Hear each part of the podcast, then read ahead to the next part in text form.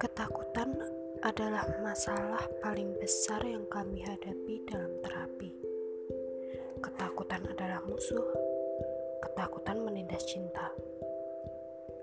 Ketakutan merintangi seseorang menerima berbagai hal, merasa nyaman, menjalani kehidupan selengkap dan sebahagia seperti kita ingin menghidupinya. Ketakutan sendiri bagaimanapun juga tidak bersifat negatif